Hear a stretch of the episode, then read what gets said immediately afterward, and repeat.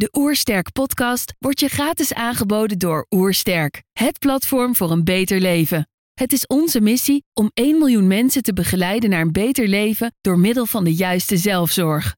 Wil je weten hoe jij kunt werken aan een beter leven? Ga dan naar www.oersterk.nu slash gezondheidscheck voor onze gratis gezondheidscheck en krijg direct jouw uitslag met persoonlijk advies. Mijn naam is Birgit Sporenberg en je luistert naar de Oersterk podcast.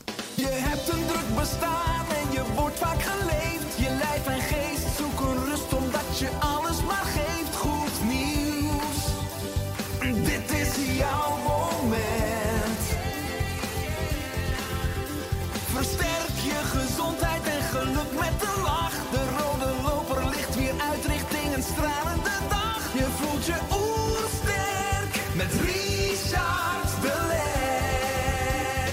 We zijn hier in Heemskerk voor een podcast met Birgit Sporenberg. Birgit is opgeleid als huisarts, maar verdiepte zich later ook in de psychoneuroimmunologie. Ze heeft nu een eigen praktijk en geeft cursussen. Ik ben benieuwd naar haar tips voor een beter leven. Trouwens, geniet je van onze podcast? Abonneer je dan en laat een reactie of review achter. Zo help je ons om het gezondheidsvirus te verspreiden. Let's start! De Oersterk Podcast. Een ontdekkingstocht naar een beter leven. Birgit, welkom. Dankjewel. Zowel je onderwijspraktijk als je cursus heten salutogenese. Wat betekent dit precies? Salutogenese. Ja. Nou, ik denk in mijn beleving betekent het vrij letterlijk de oorsprong van gezondheid of oorzaken van gezondheid. En ik heb het eigenlijk ook, eigenlijk heet de cursussen die ik geef, heten eigenlijk allemaal salutogenese, oorzaken van gezondheid. En ik vind dat een supermooi woord, salutogenese. Ik merk wel dat heel veel mensen zeggen, wat een dramatisch woord om je praktijk of je, onder, je cursussen zo te noemen. Dat kunnen niet onthouden, weten niet hoe we het moeten schrijven. Maar ja, wij zijn alle twee opgeleid tot arts. Hè? En ik denk dat iedereen die in westerse reguliere geneeskunde is opgeleid, dat die opgeleid wordt in de pathogenese. Pathos, ziekte, ziekte, lijden staat centraal. Terwijl salutogenese, eh, saluto, gezondheid, genese, oorsprong van, oorzaak van. En dat woord, dat, ehm, ik denk dat het wel netjes is als ik dat erbij zeg. Want soms zeggen mensen, hey, dat is jouw woord. Dat iemand schrijft salutogenese, maar is jouw woord, maar het is niet mijn woord. Ik heb het geleend van ehm Antonovsky, Aaron Antonovsky. En dat zou een, een medisch socioloog zijn geweest uit Israël. En hij heeft lang geleden ooit onderzoek gedaan naar ehm, met name mentale gezondheid. En hij zou hebben gekeken van hoe kan het nou dat sommige mensen, als ze in een heel ellendige situatie zijn, dat sommige mensen daar eigenlijk super gezond uit terugkomen, maar andere mensen helemaal gebroken. En hij heeft vooral onderzoek ge- gedaan, zo blijkt, bij mensen die in concentratiekampen hebben geleefd. Hij zei, sommige mensen helemaal gebroken, anderen helemaal gezond. Zijn er voorspellende factoren om, om te kijken van hoe kan het nou? En hij heeft gezien, ja, er zijn voorspellende factoren. Drie voorspellende factoren met name. En ehm, wat ik vervolgens dacht is van, kunnen we gezondheid ook voorspellen? Niet alleen mentaal, maar ook eh, fysiek en mentaal, alles bij elkaar. Dus ik heb eigenlijk die term geleend van hem en een klein beetje breder getrokken. En ik denk dat we ook heel veel voorspellende factoren hebben, namelijk de oorzaken van gezondheid, die laten zien, zeg maar, of die, die, die van grote invloed zijn op of de kans op gezondheid voor iemand groot is of kleiner. Ja, en Ja. om krachtig hoe je het onder woorden brengt, gaan we dieper op in. Maar als ik nog een stapje terug ga. Mhm. Je werkte enkele jaren geleden als waarnemend huisarts in diverse praktijken in Zuid-Limburg. De wachtkamers waren overvol en de tijd per consult was kort. Je kreeg het gevoel dat je brandjes aan het blussen was, maar je wilde juist brandjes voorkomen. Mhm. En toen? En toen merkte ik een paar dingen. Ik merkte aan mezelf dat, ik, eh, dat er brand ontstond. Ik merkte dat ik. ehm, ik merkte van alles. Ik merkte dat een, een oude blessure van, aan mijn schouder, dat die weer een klein beetje opspeelde. Ik merkte dat ik eh, me minder vitaal voelde. Maar ik merkte vooral, er was een specifiek moment, dat ik na het werken ergens in Maastricht op een parkeerplaats stond. Ik ging eh, vanuit de praktijkhub naar mijn auto om naar huis te gaan. Ik kwam een collega tegen en we zagen elkaar. We waren allebei waarnemer en we zagen alle twee van elkaar, wat zie je er slecht uit. dus we hadden daar een, beetje een praatje over. En op een gegeven moment zei ik ook tegen hem: Ik moet heel eerlijk zijn. Ik hou niet meer zoveel van mensen, merk ik. En dat was voor mij een heel duidelijk signaal van: hé, hey, dat wat ik nu aan het doen ben en vooral de manier waarop, ja, ik, dat, dat komt niet het beste in me naar boven. Zo kan ik iemand niet helpen. Dus ja, toen is er van alles in mij gaan veranderen. Ik ben sleutelfiguren tegengekomen in mijn leven. Ehm, mijn vriend was met interessante dingen bezig, vooral permacultuur, hè, waar, waar het gaat over de gezondheid van de natuur en van de bodem. En dat zette me heel gaan denken. En ik had altijd wel een schurend gevoel bij gezondheid en vooral de gezondheidszorg. Dus daar kwamen dingen samen en dat maakte dat, eh, dat het anders liep. Ja, mooi, want je stelde jezelf dan ook in die tijd steeds met de vraag, wat je net aangaf, waarom mensen ziek worden. Ja. En waarom sommige mensen klachten krijgen en anderen niet. Ja. En ook of dit te beïnvloeden is. Ik kwam onder andere uit bij de psychoneuroimmunologie. Uh, welke antwoorden heb je hier gevonden? Welke antwoorden heb ik daar gevonden? Ik denk dat ik vooral, ik heb daar ik ben echt super dankbaar voor wat ik daar heb mogen leren. Omdat ik herinner me heel goed dat een van de dingen die Leo, met name Leo Pruimel, die ik vaak heb horen zeggen en die echt eh, in me gedaald zijn, was. Hij zei vaak: als je mensen wil helpen op weg naar meer gezondheid, dan gaat het in mijn beleving over het aanbieden van meerdere opties. Dat is iemand helpen op weg naar meer gezondheid. Laten zien dat er meerdere wegen zijn. En dat vond ik zo krachtig. Dus eh, dat heb ik in me opgeslagen, meerdere opties. En ehm, het werd me ook al heel vroeg in de PNI-opleiding duidelijk dat eh, het gevoel wat ik eerder had, dat ehm, gezondheid vooral ging over, ja, je hebt geluk gehad met je fijne genen en met eh, hoe het gaat met je. Of je hebt een slechte kaart toebedeeld gekregen en ja, pech, zeg maar. Dat dat verhaal voor een heel groot gedeelte toch echt anders lijkt te zijn. Dus eigenlijk vooral, heel concreet, ik, ik heb daar gezien dat we zoveel touwtjes om ons heen hebben hangen waar we aan kunnen trekken om invloed te hebben op gezondheid of ziekte. En dat vond dat, dat geweldig. Hè, wat, ah, terug naar Antonovsky van de salutogenese.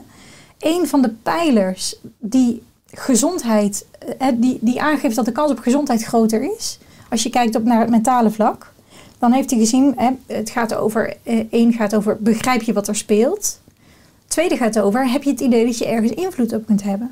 En de derde gaat over welke betekenis geef je het. Maar de tweede, ergens invloed op hebben, dat zie ik ook als je salutogenese voor het hele lichaam bekijkt.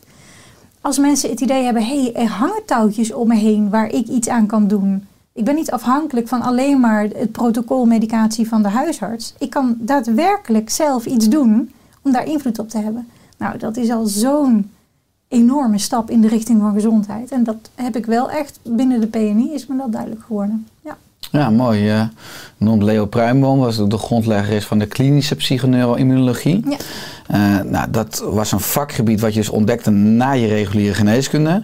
In de artsopleiding lag de nadruk vooral op het bestuderen van ziekte. Nou, ik hoorde je zeggen een mosterd na de maaltijd.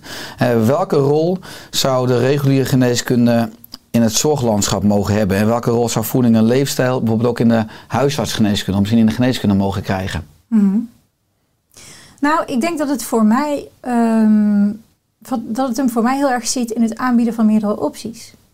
En wat ik merk als ik cursussen geef, of als ik met mensen gewoon in gesprek ben, um, dat veel mensen geen idee hadden dat ze ook daadwerkelijk iets hadden kunnen doen om de kans op gezondheid te vergroten. In hun voeding iets kunnen veranderen, in hun bioritme, in natuur, nou ja, in allerlei aspecten. Dus ik denk alleen al dat, hè, dat het mooi zou zijn om al die opties naast elkaar aan te bieden. En ik vind nog steeds de geneeskunde zoals ik die heb geleerd, regulier, vind ik, ik vind fantastisch. Ik vind het knap dat het allemaal kan. Maar het is één weg. Ja. En in mijn beleving is het ook een, um, een ja, vrij rechtdoor weg. Uh, en ik denk dat die weg een prima keuze kan zijn, mits je je ook bewust bent van het de horizon daaromheen. En dan nog steeds kies voor die weg, prima. Maar er is zoveel meer. En ja, ik denk dat dat naast elkaar, wat mij betreft, mag bestaan. En dat mensen het zelf mogen kiezen. En ook denk ik dat als mensen mm, zich bewust zijn van de enorme kracht van uh, ons lichaam en wat het zelf kan doen, dat heel veel keuzes ook makkelijker worden. Hè, dus dat het niet is, eh, we doen met pillen en dan is het grote stappen snel thuis. Maar met voeding zijn we jaren bezig. Ik noem maar even wat. Hè, of met meditatie of zo. Maar dat je echt ook kunt laten zien door wat simpele aanpassingen te maken. Kunnen er ook daadwerkelijk heel snel veranderingen optreden. En zijn misschien op bepaalde gebieden pillen helemaal niet nodig. Mhm. Ja, mooi step over die touwtjes. En dat het fijn is dat zowel zorgprofessionals als mensen die juiste kennis hebben, zodat ze betere keuzes kunnen maken en zich Ja. bewust worden van meerdere opties. Eh, in je onderwijspraktijk en in je cursussen werk je samen met mensen en cliënten naar gezonde evenwichten. Eh, welke evenwichten zijn vaak uit balans? Oh, dat is wel een hele mooie vraag. Ik denk eigenlijk dat heel veel evenwichten vaak uit balans zijn. Het evenwicht tussen eh, in contact zijn met de buitenwereld en in contact zijn met jezelf. Dat is denk ik heel vaak uit balans. Het evenwicht in evenwicht zijn met de natuurlijke omgeving. In evenwicht zijn ehm, op het gebied van brengen en halen. Mm, Geven en nemen. geven en nemen hoort daarbij natuurlijk. Ja, op allerlei gebieden. Ik denk dat eh, ehm, dat voor heel veel mensen geldt. En als ik ook terugkijk, vooral ook voor mijzelf geldt en vooral gold. Ik denk- denk dat ik daar wel flinke stappen in eh, aan het maken ben. Maar dat als je jezelf ziet als een soort individu in een wereld om jou heen die verder niks in principe met jou te maken heeft, dan is denk ik alles uit balans. Terwijl als je weer in verbinding kunt voelen met vrijwel alles wat zich aandient, dan op al die gebieden wordt een nieuw evenwicht bewerkstelligd. En dat vind ik zo mooi om te zien. Dat als je mensen weer wijst op de verbinding die ze hebben, automatisch, maar waar je je wel van bewust mag zijn en waar je nieuwe keuze in kan maken, dan kan alles op een andere manier functioneren, denk ik. Mhm, ja, want ik hoor je zeggen, de oplossing ligt vaak in onze evolutionaire natuur. En wat bedoel je hier precies mee? Ja, dat doet me denken wat je nu zegt aan een. ehm, eh, volgens mij is het een citaat van iemand die ik, ik heb ik ooit gehoord. Die gaf volgens mij een, een praatje of ergens een lezing over. Waar ging het ook weer over? Zwaartekracht, dacht ik. En wat hij zei, vond ik zo mooi. Evolution has turned the unavoidable into the necessary. Evolution has turned the unavoidable into the necessary. En daar gaat het eigenlijk over, wat mij betreft. In de omgeving, zoals die, in mijn beleving, hè, wat ik denk, wat mijn beste gok is. Want ik was er niet bij in het begin, dus ik weet helemaal niet hoe het afgelopen honderdduizenden jaren is geweest. Hoe we hebben geleefd. Hebben we überhaupt geleefd en hoe dan? Maar mijn beste gok zou zijn dat we eh, buiten hebben geleefd. Eh, voortdurend in beweging. In direct huid-op-huid contact met de natuur afhankelijk van elkaar in groepen van 50 tot 150 mensen. In contact met dieren. In contact met alle stoffen en alle communicatiemiddelen die planten en dieren hebben. In contact met water in bepaalde eh, context. En ik denk dat die omstandigheden, die hebben ervoor gezorgd dat ons lichaam daar perfect op is aangepast. En dat was unavoidable en now it's necessary. Dus nu zie je dat als je die omstandigheden weer gaat opzoeken, ja, dat het lichaam, het lijkt alsof het lichaam dat herkent. Dat zich herinnert. Vrij letterlijk. Mhm. En dan zie je eigenlijk dat, ehm, ja, dat gezondheid een logischer gevolg lijkt te zijn. Ja, want je wilt ook, en dan citeer ik, de juiste omstandigheden creëren om de weg vrij te maken voor een zo goed mogelijk functionerend menselijk lichaam. En je hebt het nu eigenlijk ook over dat spanningsveld. Hoe kijk je naar de moderne maatschappij en onze oeroude programmering? Ja, ehm, hoe kijk ik daarnaar? Nou, ik denk dat eh, we hebben natuurlijk heel veel ontwikkelingen doorgemaakt als mensen de afgelopen duizenden jaren. Ik denk een van de grootste revoluties, landbouwrevolutie. Fantastisch wat het allemaal heeft gebracht.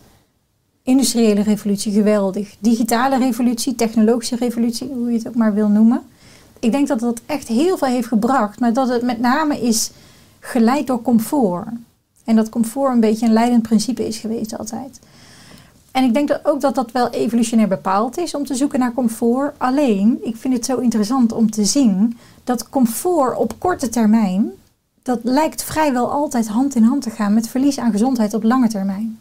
Dus ik vind het leuk om dat woord comfort, ja, om daar opnieuw naar te kijken. Van wat is het eigenlijk wel comfortabel dat we niet meer van onze stoel hoeven komen om de verwarming aan te zetten? Is verwarming eigenlijk comfortabel? Is het comfortabel om je eten te bestellen? Is dat echt comfortabel? En wat betekent dan comfortabel? Dus een beetje uitzoomen daarin. En misschien ja, kijken van wat, ja, wat houdt zo'n begrip precies in? Dus ik vind het leuk om daar allerlei kanten aan te zien. Het is mooi dat het kan. Elektriciteit, fantastisch natuurlijk. Er zit ook een andere kant aan. Dus als je je daarvan bewust bent, dan kan je misschien nieuwe keuzes maken. Als je dat zou wensen. Mhm. Ja, ik vind het ook eh, mooi hoe je daarmee speelt. Eh, als je wat opstijgt, we voelen ons als mens natuurlijk enorm verheven in het dierenrijk. We voelen ons vaak dan geen dier. Nou, als je kijkt naar de moderne mens op de wereld, zie je dat we steeds ja, zwakker worden, of steeds dikker worden, of steeds zieker worden. Eh, ik heb een video van je bekeken, een lunchreferaat op de Universiteit Maastricht. Die mensen kunnen volgen op YouTube, aanrader. En daarin beschrijf je dat dieren in dierentuinen ongezond zijn en steeds minder lang leven. Je hebt het over de orka's, je hebt het over de apen. Je benoemt ook dat veel paarden bijvoorbeeld in Nederland insulineresistent zijn of het metabool eh, syndroom hebben. Is de moderne wereld eh, ook een dierentuin voor de Homo sapiens? Ik denk het wel. Ik denk het wel. Ik gebruik ook vaak eh, de metafoor van de vis, de goudvis. Hè, die in het wild in een, in een beekje wel 50 jaar oud kan worden. In een kommetje 1 tot 3 jaar gemiddeld. En in zee een, uur of drie uur. Ik denk dat, dat zoals we leven, dat we eigenlijk een beetje leven als vis in een kom. Ja? En als je daarvan bewust wordt en andere keuzes kan maken, ja, dan het kan ook anders, denk ik. Ja. Het kan anders, ja, want Ja. je bent onder de indruk van de enorme impact die simpele leefstijlveranderingen kunnen hebben op behoud van je eigen gezondheid. Dan heb je het ook vooral over evolutionaire oude vrienden. Dat begrip herken ik natuurlijk ook. Ja, Hè? ja. Kun je enkele voorbeelden noemen voor de luisteraar of de kijker? Van evolutionaire oude vrienden. Ja, ook van simpele leefstijlveranderingen die grote impact kunnen hebben. Ja. Zeker. Ja, weet je, evolutionaire oude vrienden vind je overal. Duizenden, miljoenen in je leven. Ehm, en die gaan bijvoorbeeld, er wordt al snel gedacht eh, aan eten. Hè, op het gebied van voeding. Wat zijn evolutionaire oude vrienden op het gebied van voeding? Ik denk met name ehm, het eten van verse planten. Planten die geleefd hebben in een voor de plant ook typische context. Hè, want dat is eigenlijk leuk om daar ook een klein beetje op uit te zoomen, denk ik. Het- maakt niet alleen maar uit van wat ligt op mijn bord, maar hoe heeft datgene wat op mijn bord ligt, hoe heeft dat zelf mogen leven? En dat vind ik eigenlijk zo leuk om daar naar te kijken. Dus eh, dat maakt eh, misschien een antwoord meteen heel erg lang. Maar planten die in een mooie context hebben mogen leven, die op je bord in een grote verscheidenheid. Ik denk dat dat een hele mooie oude vriend is. Maak vooral een lekker lang antwoord, want ik, ik luister naar je. dus, Oh, oké. ja. Ehm, wat nog? Nou, als het gaat over beweging, denk ik dat een oude vriend op het gebied van beweging is, denk ik dat we vrijwel voortdurend in beweging zijn. Dat we onze spieren veel gebruiken. eh, op diverse manieren. Dus niet heel erg gespecialiseerd zijn in één bepaalde soort beweging, maar dat we gewoon op allerlei soorten manieren onze spieren gebruiken. Dat je regelmatig buiten adem bent, dat je regelmatig kracht moet zetten. Eh, ja, op het gebied van beweging. Op het gebied van natuur zou je ook kunnen zeggen, denk ik dat. Dat, schreef, dat omschreef Richard Louf zo mooi. Ken je het boek van The Last Child in the Woods? Het laatste kind in het bos. Prachtig boek, vind ik. En daarin beschrijft hij heel mooi van, hebben we, hij zegt, hebben we niet eigenlijk allemaal een nature deficit disorder? Dat begrip ken ik zeker. Ja. Ja. En dat vind ik prachtig. Hè? Dus elk momentje dat wij weg zijn uit de natuur is atypisch voor ons.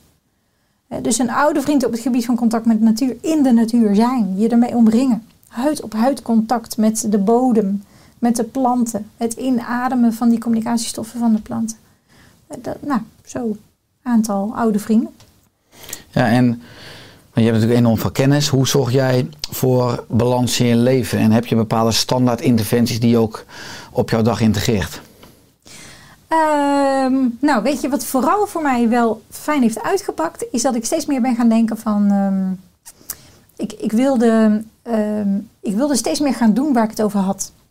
Dus ik dacht, ik wil niet meer in een eh, praktijkruimte zitten. Ik wil die haast ook niet meer voelen. Ik wil ook niet meer op de. Ik werkte een tijd op de Universiteit Maastricht. Eh, ik wil ook weg uit het kantoor. Ik vind het eigenlijk gek dat we hier binnen eh, ons gaan druk maken over hoe we mensen kunnen helpen in de richting van meer gezondheid.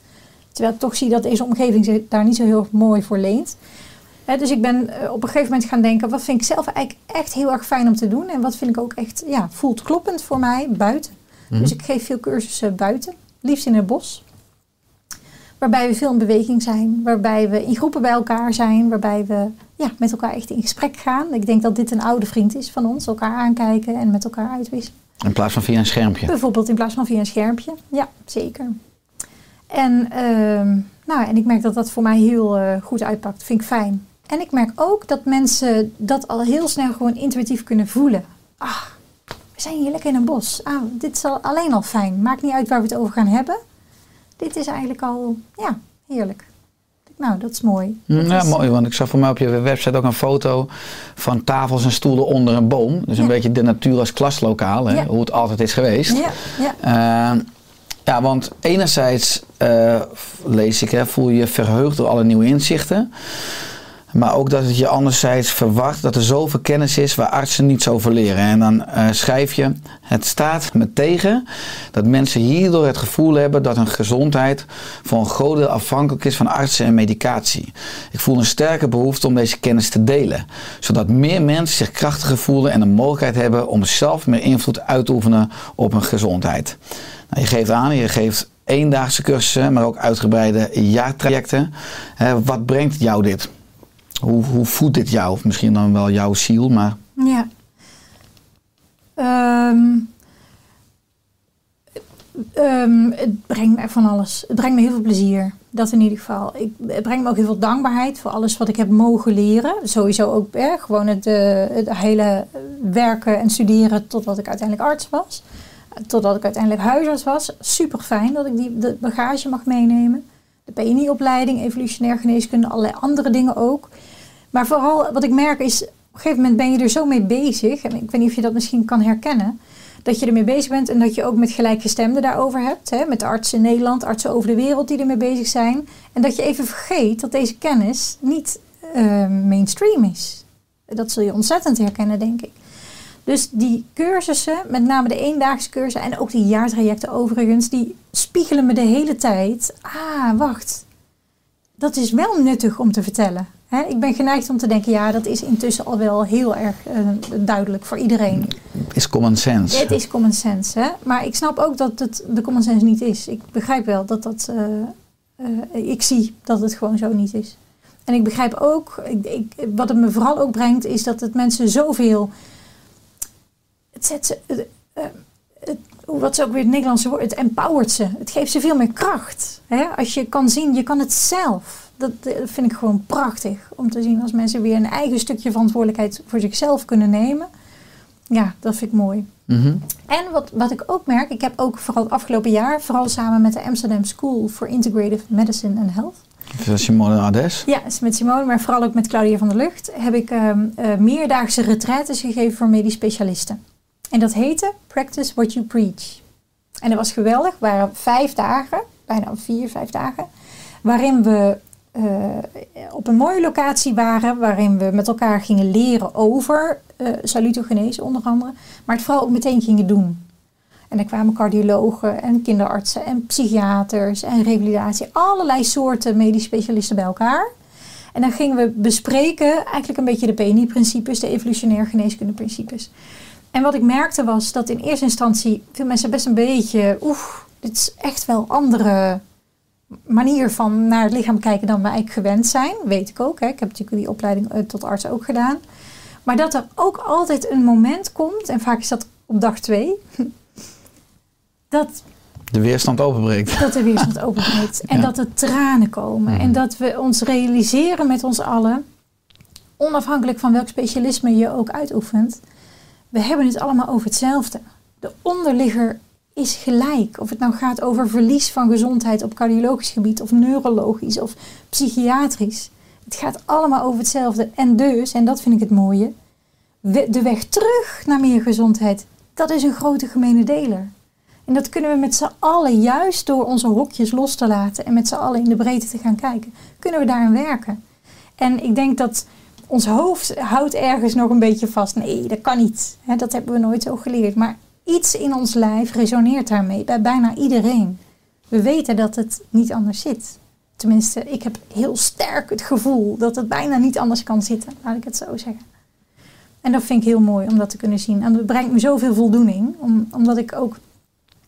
Ik herinner mezelf dat moment dat ik. Bij mij was het in de PNI-klas, dat ik in Numansdorp was. In een super fijne klas en we leerden van alles. En ineens voelde ik iets dieper in mijn lijf wat dacht: dit kan toch niet waar zijn? Ik ben er nu al een paar maanden mee bezig, maar als het echt zo is, wat ik hier hoor, waar ben ik dan eigenlijk mee bezig? Wat ben ik aan het doen? Wat zijn we aan het doen? Oh, dat, was een ontlading met tranen en van alles bij elkaar. En ik zag dat ook bij al mijn klasgenoten zo af en toe. Hè? Vooral bij de medici. Dat die af en toe helemaal openbraken en instorten. Nou, en daarna is het geweldig om te zien dat er een zee aan mogelijkheden ligt. Om nou, misschien eerst voor jezelf te ervaren van klopt het nou echt? Kan ik dat ook vo- voelen aan mijn eigen lijf? En in, ja, voor mij werkt het zo, als ik het voel aan mijn eigen lijf, dan wil ik het ook gaan vertellen. Dan wil ik er mee, eh, mee rond. Mhm. Dus dat- ik vind dat het brengt me van alles. Het brengt me, ja, professioneel brengt het me van alles. Want ik vind het leuk om daar andere artsen ook eh, eh, ja, over te vertellen. Maar vooral de voldoening die ik gewoon zie van mensen. Dat mensen da- daarmee geholpen zijn. Ja, Mooi, eh, inspirerend wat je zegt als je vier, vijf dagen met zo'n groep medisch specialisten op pad bent. Ja. Maar niet alleen maar ze cognitief voedt, maar ze ook laat ervaren. Waardoor er ook transformaties kunnen plaatsvinden. Maar toch gaan die medisch specialisten weer terug naar hun ziekenhuis, naar hun maatschap. Is dat soms ook een spanningsveld dat ze die nieuw verworven en geïnternaliseerde, dan misschien kennis en wijsheid, soms niet altijd ook in de, in de medische praktijk of in het consult van acht minuten kwijt kunnen? Want dat lijkt me wel interessant. Wat, Ja. wat, ga je ermee doen? Hoe, Ja. hoe ga je het integreren? Ja. Hoe ga je het opvolgen? ja. Ik weet het niet precies van, eh, van alle mensen. Ik weet wel dat sommige mensen, sommigen zijn, hebben er echt heftige dingen mee gedaan. En die waren al aangeslagen door iets anders. Hè. Die kwamen vervolgens bij ons in de retraite. En er zijn leefstijlklinieken, leefstijldingetjes uitgerold. Geweldig vind ik dat. Ik weet ook dat er mensen zijn die ehm, gestopt zijn met hun werk als eh, medisch specialist.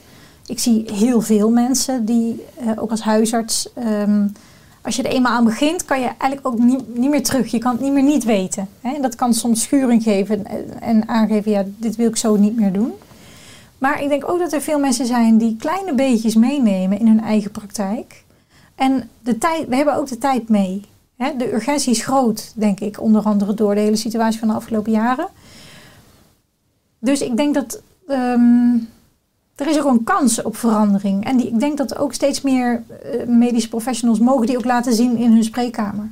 Het is ook niet meer zo gek voor veel patiënten dat je iets zegt over voeding of over natuur of beweging of noem maar op. Dus ik, ik denk, eh, ja, de medisch specialisten met een hele lange adem, veel geduld, die kunnen ook, eh, denk ik, binnen hun vakgebied daar prima vorm aan geven. We hebben de wind in de rug. Ik denk dat we de wind op allerlei manieren in de rug hebben. Ja. Ja. Maar je gaf net aan, hè, de kracht van de natuur. Ook als je je. Eigenlijk dat, dat onze default mode is. We horen in de natuur, we horen Ja. niet uit de natuur. Maar dat we ook die belangrijke boodschappenstoffen en moleculen Ja, eh, horen in te ademen. Want die geven rust in het lichaam en allerlei systemen. Eh, je hebt onder andere een cursus Shinrin Yoku. Hè, de kunst van het bosbaden.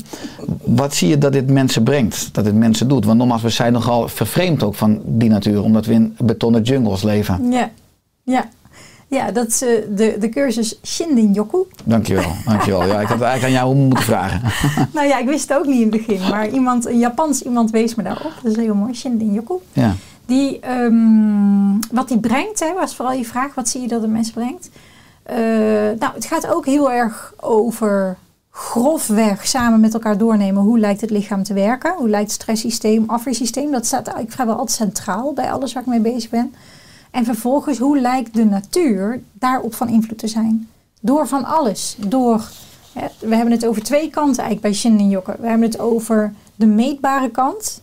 En dat is meer de wetenschappelijke, de, de cijfers. Dat gaat over hoe heeft die invloed op je bloeddruk, op je hartslag, op je cortisol.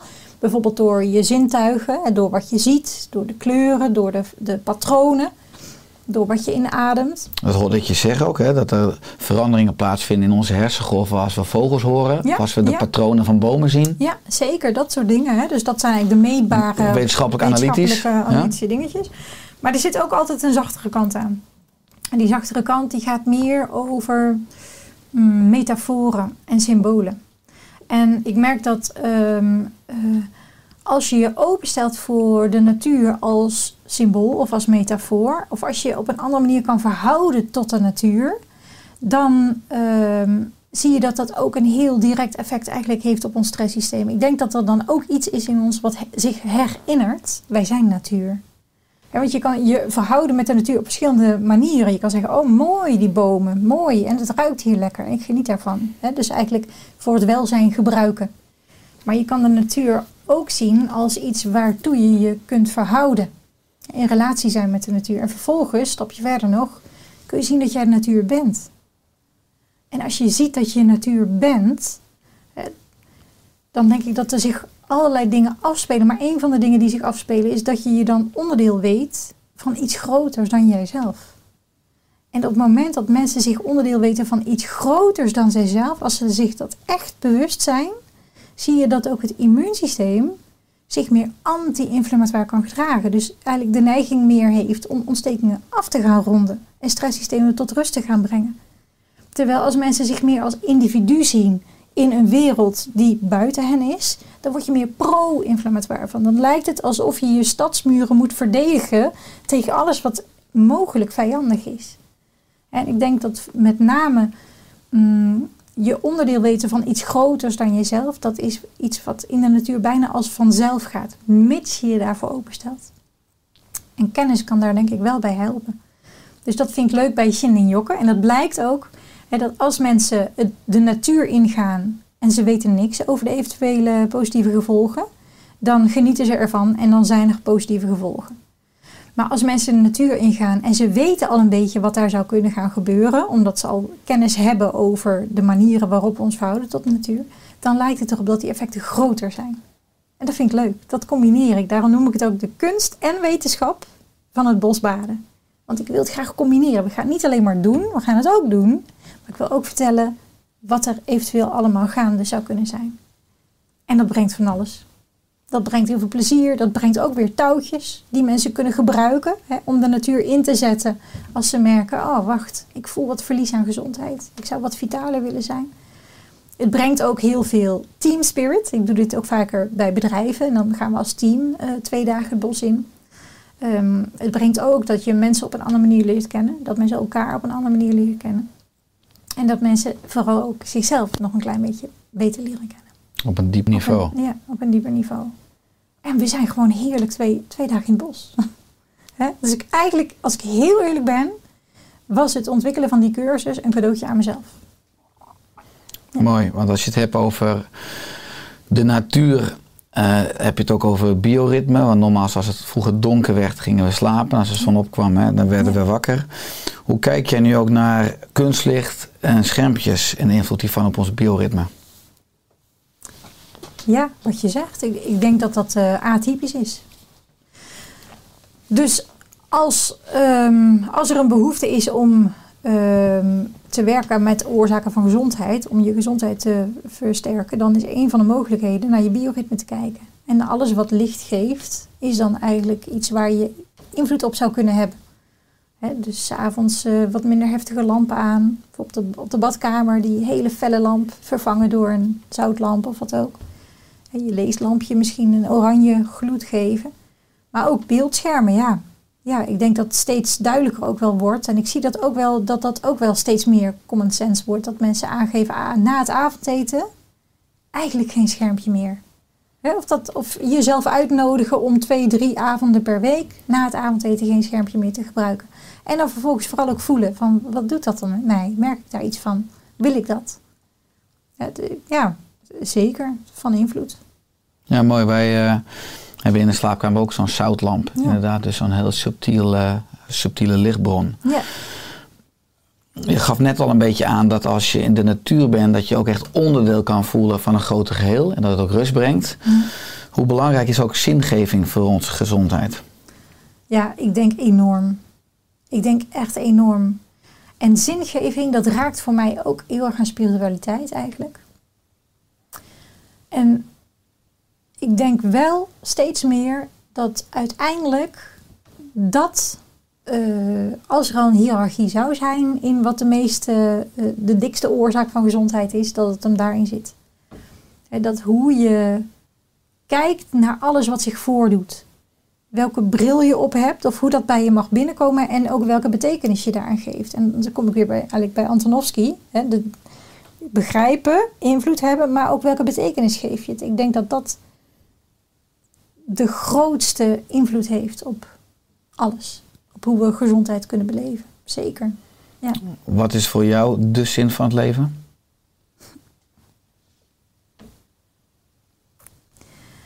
Dat vind ik echt wel een heftige vraag. Mm, de zin van het leven. Ik denk dat het erom gaat om ervaringen op te doen. En eh, wat mij betreft ben ik steeds meer aan het oefenen om alles ehm, ehm, om alles eh, eh, te omarmen met liefde, laat ik het zo zeggen. Er te laten zijn en oké te zijn met wat er is, met alles wat er is. Ja, en dat is mijn oefenpad. Dat is een levenskunst. Dat is een, denk ik wel een grote weg. Ja. Als je het hebt over alles omarmen en ook die aarde omarmen met, je bedoelt met voeding en eigenlijk het hele bodemleven en biodiversiteit. Je ziet natuurlijk ook, op, ook in de moderne landbouw dat we best wel wat roofbouw plegen. En dat we, als je naar de hele wereld kijkt, dat we ook wel roofbouw plegen. Omdat de economie vaak boven de ecologie staat. Ja. Hoe we met de aarde omgaan. En misschien ook echt, nu wat minder vitale doorgeven aan de volgende generatie. Wat zou jij doen als minister van salutogenese? Ah, dat was leuk. En dan op dat vlak bedoel je? Op alle vlakken, want je, je, je, mag, ja, je mag alles aanpakken. Je hebt onbeperkt eh, financieel budget. Zo. Joh, weet je, oh, dat kan ik natuurlijk echt niet beantwoorden. Maar ik denk wel dat een van de mm, sleutels er maar ook in zit dat er hele directe feedback, dat dat belangrijk is. Dus ik denk dat centralisatie, één minister, dat zou ik al zou ik eigenlijk willen afschaffen. Ik zou mezelf willen afschaffen. Ik denk dat het slim is dat mensen eh, in kleine gemeenschappen zich met elkaar verenigen. En ook met het land. En ook afhankelijk zijn van elkaar en van dat land. Maar vooral ook hele directe feedback krijgen. Zodat ze ook meteen kunnen zien welke impact wij mensen hebben. En hoe afhankelijk we eigenlijk zijn van de gezondheid van alle systemen om ons heen. Eh, dus ja, laatst werd me gevraagd. Er, er was een bank. ehm, en ehm, eh, ik, ik gaf een gezondheid of een vitaliteitssessie zeg maar, voor ehm, mensen in, binnen een bepaald onderdeel van die bank. En zij vroegen ook, eh, als je ons een tip zou mogen geven, waar moeten we nou op inzetten als het gaat over grote investeringen? Waar, waar moeten we ons geld in? En wat mijn antwoord toen was, was biodiversiteit. Ik denk dat biodiversiteit echt iets heel erg belangrijks is. En Ehm, er is ook een citaat wat heel vaak in mijn hoofd opkomt. En dat is, ik weet niet eens wie het heeft gezegd, ik kan het ook niet vinden. Maar een natuurfilosoof zou ooit hebben gezegd: As humans, we cannot be healthy alone. Dus wij kunnen niet alleen voor onze eigen gezondheid zorgen over de rug van een koe en een kip en prei en spinazie. Want we zijn totaal afhankelijk, van hun gezondheid om daar zelf gezond van te kunnen zijn. En ik denk steeds meer dat gezondheid zit hem vooral ook in relaties. Want de, menselijke gezondheid wordt toch, zoals Zack Bush dat zo mooi kan zeggen, de menselijke gezondheid wordt helemaal niet bepaald, zo lijkt, door de menselijke cel. Het is de omgeving van de cel die bepaalt of wij gezond kunnen zijn. Dus in onze context kunnen we gezond zijn. En als je kijkt naar heelheid, dat is denk ik het verschil tussen mensen en machines. Als, als een machine kapot is, dan moet je hem fixen, dan moet die gemaakt worden. Maar als een mens kapot is, als een mens gezondheid verliest, dan zal het lichaam in principe zelf weer streven naar heelheid. Maar wat is heelheid? Wat, wat is het om heel te worden? In mijn beleving gaat dat over zien dat je een geheel bent met die hele omgeving om je heen. Vrij letterlijk. Dus datgene wat je eet en datgene hoe dat wat je eet zelf heeft mogen leven. De relaties die je aangaat met mensen, die bepalen allemaal of jouw lichaam weer kan, kan streven naar meer gezondheid. Dus ik denk dat we heel veel stappen achteruit mogen doen en mogen kijken naar hoe kunnen we ervoor zorgen dat alles om ons heen zo gezond mogelijk kan zijn. En de bijwerking is dat wij zelf gezond zullen zijn. En ik denk dat ik daar flink op zou inzetten, eigenlijk. Dat is een fantastische bijwerking. Als we dan ook inzoomen op die aarde en ook letterlijk hè, eh, waar onze voeding in groeit en bloeit. Ja. Eh, als ik ook kijk naar mijn geneeskundeopleiding, was ik wat meer eh, aan de schijf van vijf. Hè. Door de psychoneuroimmunologie ging ineens een ander perspectief op voeding en op oervoeding.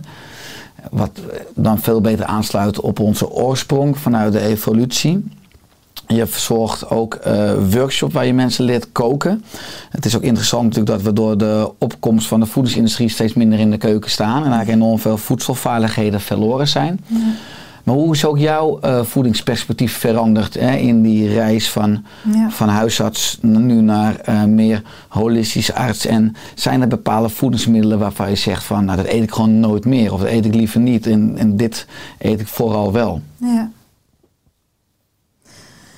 Nou, wat de, ik denk dat de reis ehm, nooit af is. Dat denk ik wel te. Weet je, toen ik ooit geneeskunde studeerde, toen dacht ik dat ik de waarheid aan het leren was. En dat die op een dag gewoon klaar was. Maar ik kom er de afgelopen, de laatste jaren steeds meer achter van, volgens, volgens mij, in mijn beleving, is er niet één waarheid. En was er een waarheid, dan was die te complex. Dan konden we hem niet snappen. Maar er zijn allerlei best guesses. En dat geldt denk ik ook op het gebied van voeding, als ik naar mezelf kijk. Mm, dus ik ben langs allerlei bergen en dalen gegaan. Over hè, dit wel, dat niet. Hè, zo streng ook en dan weer wat milder. Ehm, maar ik denk dat de mate van bewerking, en vooral bewerking door fabrieken. Hè, als een fabriek jouw eten al meerdere, door meerdere eh, schijven heeft laten gaan. Ja, daar probeer ik echt wel een beetje afstand van te houden. Maar mm, ik denk vooral ook wel dat ehm, dat ons microbioom, hè, al die huisdieren die wij bij ons dragen en die voor een heel groot gedeelte de context van onze cellen zijn en dus bepalend zijn voor onze gezondheid. Eh, ik denk dat ik wel steeds mm, in mijn hoofd heb van in hoeverre is het nou voedend voor mijn huisdieren? Dat wat ik nu eet. Ik, ik wil eigenlijk echt liever geen ehm, zo min mogelijk bespoten ehm, groentes eten of fruit of wat dan ook. Of, of eh, nou, weet je wat ik echt niet meer zou willen eten? Dieren die in een super atypische omgeving hebben moeten leven. Bio-industrievlees. Bijvoorbeeld. Ja, dat wil ik echt niet meer eten. Terwijl ik weet, ik weet nog van vroeger de smaak ook van een frikandel. Ik vind dat hartstikke lekker. Maar ik wil dat gewoon niet meer eten. En nu doe ik even alle frikandellen over één eh, kam scheren. Ik weet helemaal niks over frikandellen. Maar nee, ik, ik vind dat zo niet... Dat voelt niet goed op allerlei niveaus voor mezelf. En ehm, ik ben wel steeds meer geïnteresseerd geraakt in hoe het leven zelf heeft mogen leven. Of misschien ben je bekend met Joel Salatin, die boer uit Amerika. Ja, hij zegt altijd zo mooi: eh, the chickenness of the chicken. Het, het gaat erom of die kip haar kipheid heeft mogen leven. Dan is dat ook als je haar zou eten een gezonde kip voor je. Als je al vlees zou willen eten. Maar ik denk dat dat voor planten ook echt zo geldt. En dat bijvoorbeeld permacultuur, hè, een manier van eh, eh, eigenlijk een ontwerpprincipe, een manier van kijken naar eh, je omgeving.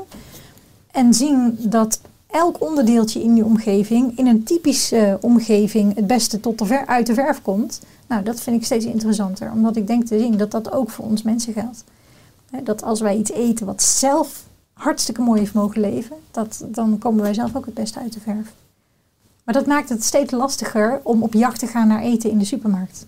Hè, het wordt wat minder comfortabel. Ja, want praktisch, hoe ziet jouw ontbijt, lunch of diner eruit?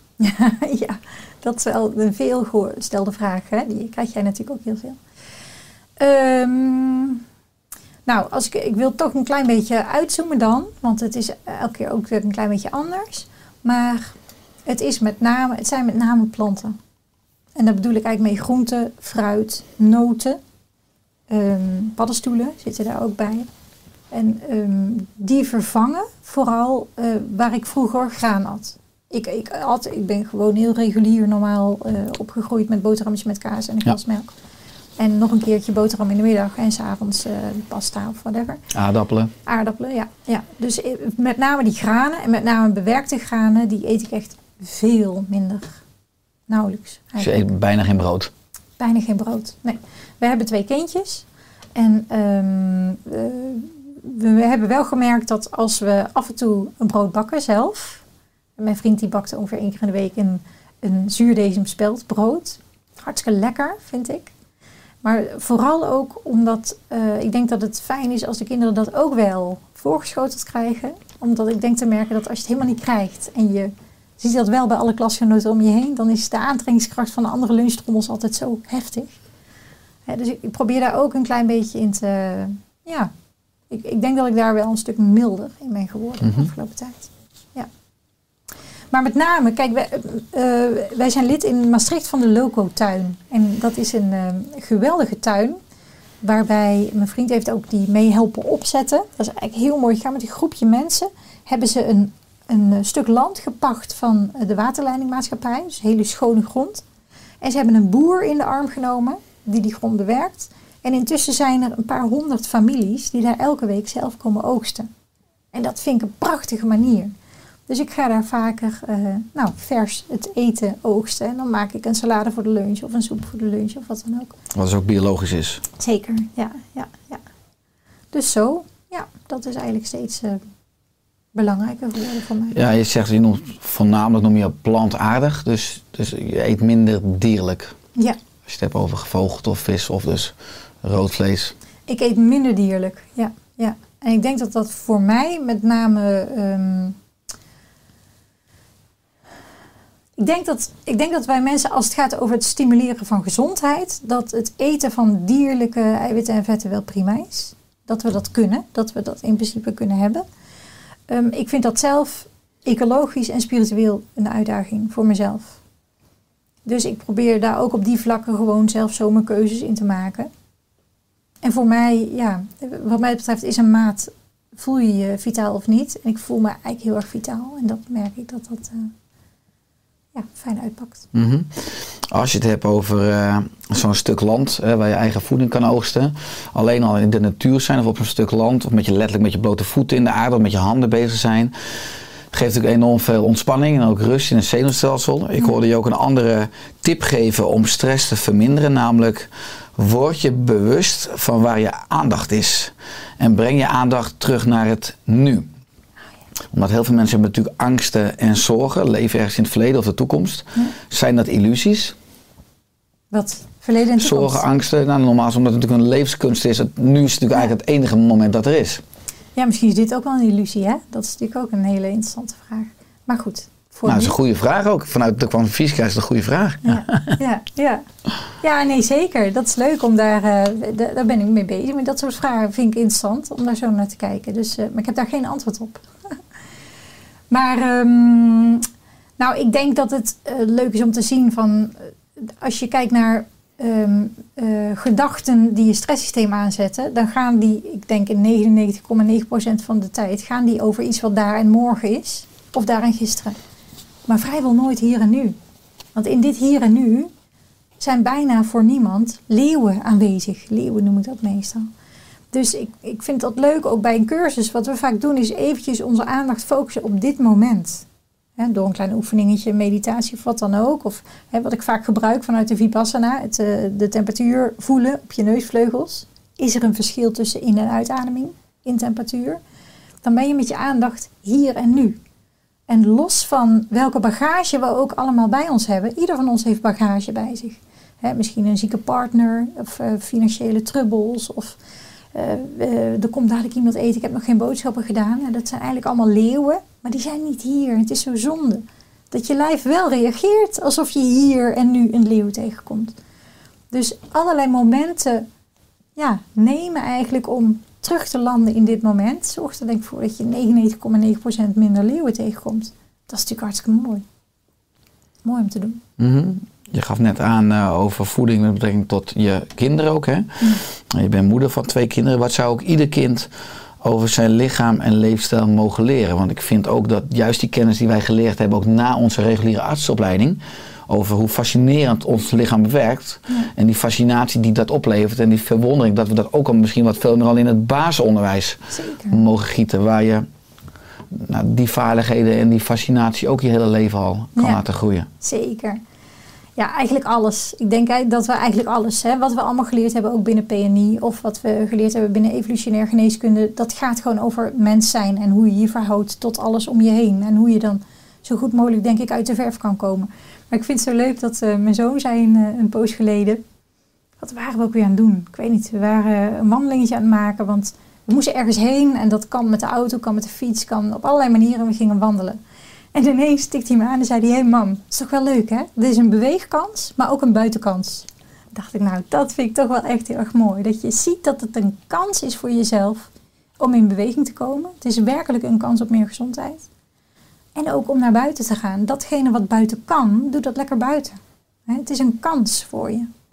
Eh, En, en ik denk ook te zien dat ehm, als je kinderen al vroeg eh, mee de natuur inneemt. En vooral ook de wonderen van het groeien van plantjes en hoe dat werkt. En wat zo'n plantje nodig heeft om goed eh, te kunnen groeien. Ja, dat kan niet anders dan dat het resoneert op, op een ander niveau. Omdat het ook gaat over jezelf. Het gaat over voeding, het gaat over een ideale context. Het gaat over heb je voldoende licht hè, om goed uit de verf te komen. Dus ja, ik denk dat dat dingen zouden mogen zijn die kinderen vroeg zouden mogen meenemen. Zeker. Ja, als je het hebt over ook voldoende bewegen in de natuur. Ik las dat je vroeger ook consulten deed, maar dat deed je wandelend. Ja. Hè, dat dat je cliënten meenam voor een wandeling van een uur in de natuur.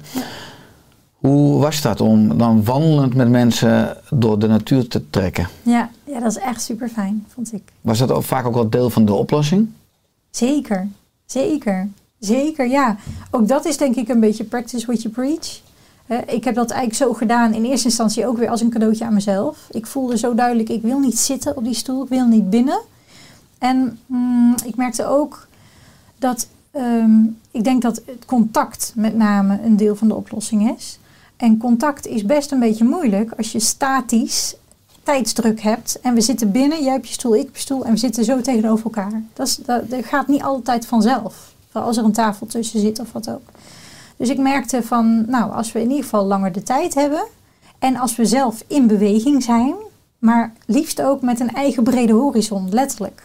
Dan merk ik dat eh, gesprekken die meer gaan over zingeving of wat vind je lastig, waar loop je tegenaan, wat zou je willen, ja, die, die verlopen gewoon veel makkelijker als je dat buiten in beweging doet. Ik merk dat mensen het heel prettig vonden. Ja, en dat, het ook, dat maakt ook de transfer naar je eigen leven en daar meer, een, een beetje meer beweegkans en meer buitenkans. Ja, die wordt steeds kleiner omdat je ziet, hé, hey, ik heb vandaag eigenlijk ook gedaan. Vrij atypisch om met je dokter te wandelen. In ieder geval toen was het nog atypisch. Maar misschien kan ik dat eh, ook met mijn collega doen. Dus dat, eh, ja, zo sneed dat mes aan alle Mooi. kanten. En wat wat dat betreft ben ik ook een pionier. Pioniers lopen letterlijk altijd voorop. Maar als je kijkt naar bewegen en anderzijds inactiviteit. De moderne mens zit steeds meer omdat de moderne maatschappij bijna alle noodzaken om te bewegen elimineert, weghaalt. We hebben heel veel comfort, wat je eerder Ja. noemde. Ja. Eh, wat zijn jouw tips om meer te bewegen? Of misschien ook wel meer met zingeving, meer van binnenuit in beweging te komen. Die gaan Ja. natuurlijk parallel, maar hoe kunnen mensen minder zitten? Anders dan een stoel verkopen. ja, ja, precies. Ja, ik denk, je hebt natuurlijk de geëikte eh, tips. Hè? Zet een wekkertje, ga elke half uur opstaan. Of eh, doe een hoog-laag eh, bureau of dat soort dingetjes. Wat ik zelf ehm, altijd interessant vind is... Kun je eens kijken of je elke dag drie keer buiten adem kan zijn. En, en ook drie keer per dag iets he- heb, kan hebben gedaan wat je heel veel kracht heeft gekost. En daarbij helpt het, het zien van beweegkansen. Ik vind dat woord beweegkans is voor mij echt een... Ja, dat heeft echt mijn leven een beetje veranderd eigenlijk. Want eerder was ik misschien wat luier eh, eh, uit mezelf. En dacht ik, nou fijn als iemand dat even voor me doet. Maar intussen denk ik steeds meer te zien. Het is een kans voor mij om in beweging te komen. En ik weet dat mijn spieren, als die samentrekken, dat ze meer anti-inflammatoire stoffen, dus meer ontstekingen afronden. Eh, dus nou ja, zo zie je de voordelen daarvan. Dus het zien van beweegkansen is denk ik een hele belangrijke. Maar ook vind ik het leuk om bijvoorbeeld af en toe met mezelf de afspraak te maken... geen meubeltijd meer na het avondeten. Dus als je wil zitten of wat, whatever, het mag allemaal, maar niet op een meubel. Dat maakt het ook een beetje leuk. Wordt meer een spelletje eigenlijk. Ehm, Dus dan kan je wel in een squat gaan zitten zelf of op de Ja, grond gaan zitten, maar ja. inderdaad niet op meubels. precies. Ja. Ja, niet op meubels. Ja. ja, daar hou ik van. Spelletjes. Maak er een spelletje van. Ik weet dat toen de kinderen wat kleiner wa- waren, dat we. Het is een, een poosje geweest dat we eventjes eh, voor het eten gingen we tien keer over de tafel, onder de tafel, over de tafel, onder de tafel. En dan wordt het ook voor jezelf een beetje leuk. En eh, ja, als, ik denk als er daar waar lol is, eh, is de kans op herhaling groot. Dus ja, zo. Het leven is nog een spel, dus een leuke Nou. manier om erop aan te haken. Ja, ja. Al die ervaringen die je in die jaren hebt, wat is nou het gekste dat je hebt meegemaakt? Of iets wat op jou de meeste indruk heeft gemaakt?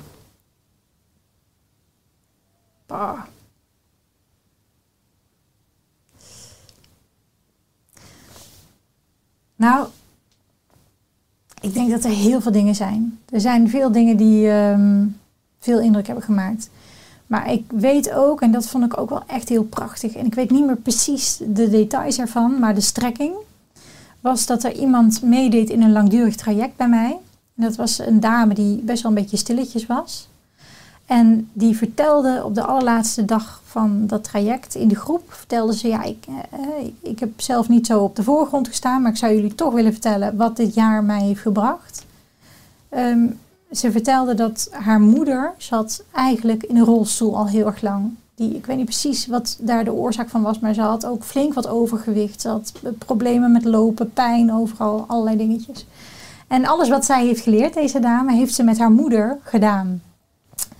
En toen vertelde zij op een gegeven moment van, ja, misschien zien jullie aan mij geen verandering, maar ik ben afgelopen weekend, of zoiets dergelijks zei ze, met mijn moeder gaan wandelen in het bos. Zij heeft gewandeld in het bos. Dus ik vond het zo mooi dat ze zei, ik ben niet, normaal duw ik haar voort in een rolstoel, maar nu is zij gaan wandelen in het bos. Zij kan weer lopen. Zij kan weer naartoe waar ze wil zijn. Ze heeft weer genoten van, ja, van deze heerlijke wandeling. En ik weet dat toen ze dat zei, dat ik dacht, ach, je hebt soms ook echt niet in de gaten hoe, hoe groot de kring is die, de, die, die jouw steentje maakt ergens in een vijver. Dus ja, het kan op allerlei manieren gaan. Maar dat vond ik heel erg mooi. Vooral omdat het zo onverwachts was. En dat ik dacht, ja, dit, ik wist niet dat je er zo mee bezig was. Ik zag inderdaad geen verandering aan jou. Ik merkte niet per se dat je er heel erg mee bezig was. Maar ja, prachtig dat je dit zo hebt eh, weten door te geven aan iemand anders. Nou, dat vind ik mooi. Mooi, want ik kan me voorstellen in die eendaagse cursussen krijg je op een dag heel veel informatie, ook praktische dingen, maar je hebt natuurlijk ook die uitgebreide jaartrajecten. Ja. Wat zijn eh, echt ook transformaties, misschien ook die, je noemt er eentje, maar die plaatsgevonden hebben, eh, nou, die ook een enorm veel voldoening of dankbaarheid geven. Want ik neem aan dat je bijzondere resultaten in die groepen ziet. Ja, ook zeker. Nou, er zijn heel veel mensen die eh, na een jaar, dan hebben we natuurlijk lekker lang de tijd, eh, aangeven, en dat vinden ze vaak spannend om te doen, dat ga ik vaak ook individueel terug, dat ze geen antidepressiva meer gebruiken. Dat, eh, dat ze zich stabiel voelen, dat ze zich vitaal voelen en dat dat allemaal goed gaat. Er zijn ongelooflijk veel mensen die, als ze echt flink overgewicht hadden, naar een veel normaler gewicht terugkeren. Dat levert zoveel winst op op allerlei niveaus. Er zijn veel mensen die eh, van hun suikermedicatie afkomen als het gaat over een type 2 eh, diabetes. Mensen met een rustigere buik. Mensen die ehm, ehm, daar waar ze eerder vaker eh, exacerbaties hadden van dus, de opvlammingen van hun auto-immuunziekte, aangeven van ik heb eigenlijk nauwelijks meer last gehad. Nou ja, eigenlijk, kijk, als je werkt denk ik aan de oorzaken van gezondheid, dan haal je de onderlegger onder vrijwel alle vormen van verlies aan gezondheid, haal je eigenlijk weg of, of, of verminder je sterk. Dus dat vind ik zo mooi om te zien. Dat we doen allemaal hetzelfde, maar we merken dat alle verschillende uitingsvormen van verlies aan gezondheid, bij iedereen anders, die worden minder. Ja, vind ik gaaf.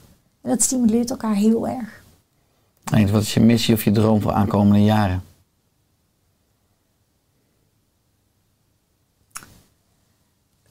Ik denk me overgeven aan wat komt en wat er is. En daar oké mee kunnen zijn.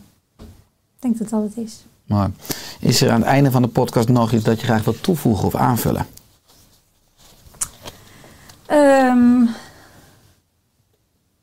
Nou, volgens mij niet iets eh, speciaals. Ik vind het leuk om hier te zijn. Ik vind het ook bijzonder dat je deze weg aan het afleggen bent.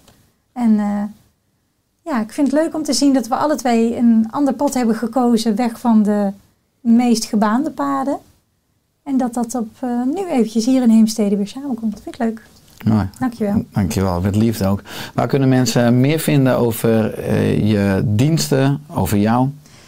Eh, misschien op mijn website, cursussalutogenese.nl. Dramatisch woord, maar het is cursussalutogenese.nl. En daar vinden ze van alles. Aanrader. Birgit, heel veel dank voor je komst in de Oerstek podcast. Heel graag, dankjewel. En dat we samen maar mogen werken aan een wereld waarin we nog meer en beter aansluiten op de oorsprong en de oorzaken van gezondheid. Kijk, dat is een mooie. Dank. Super, dankjewel. Leuk. Alle goed.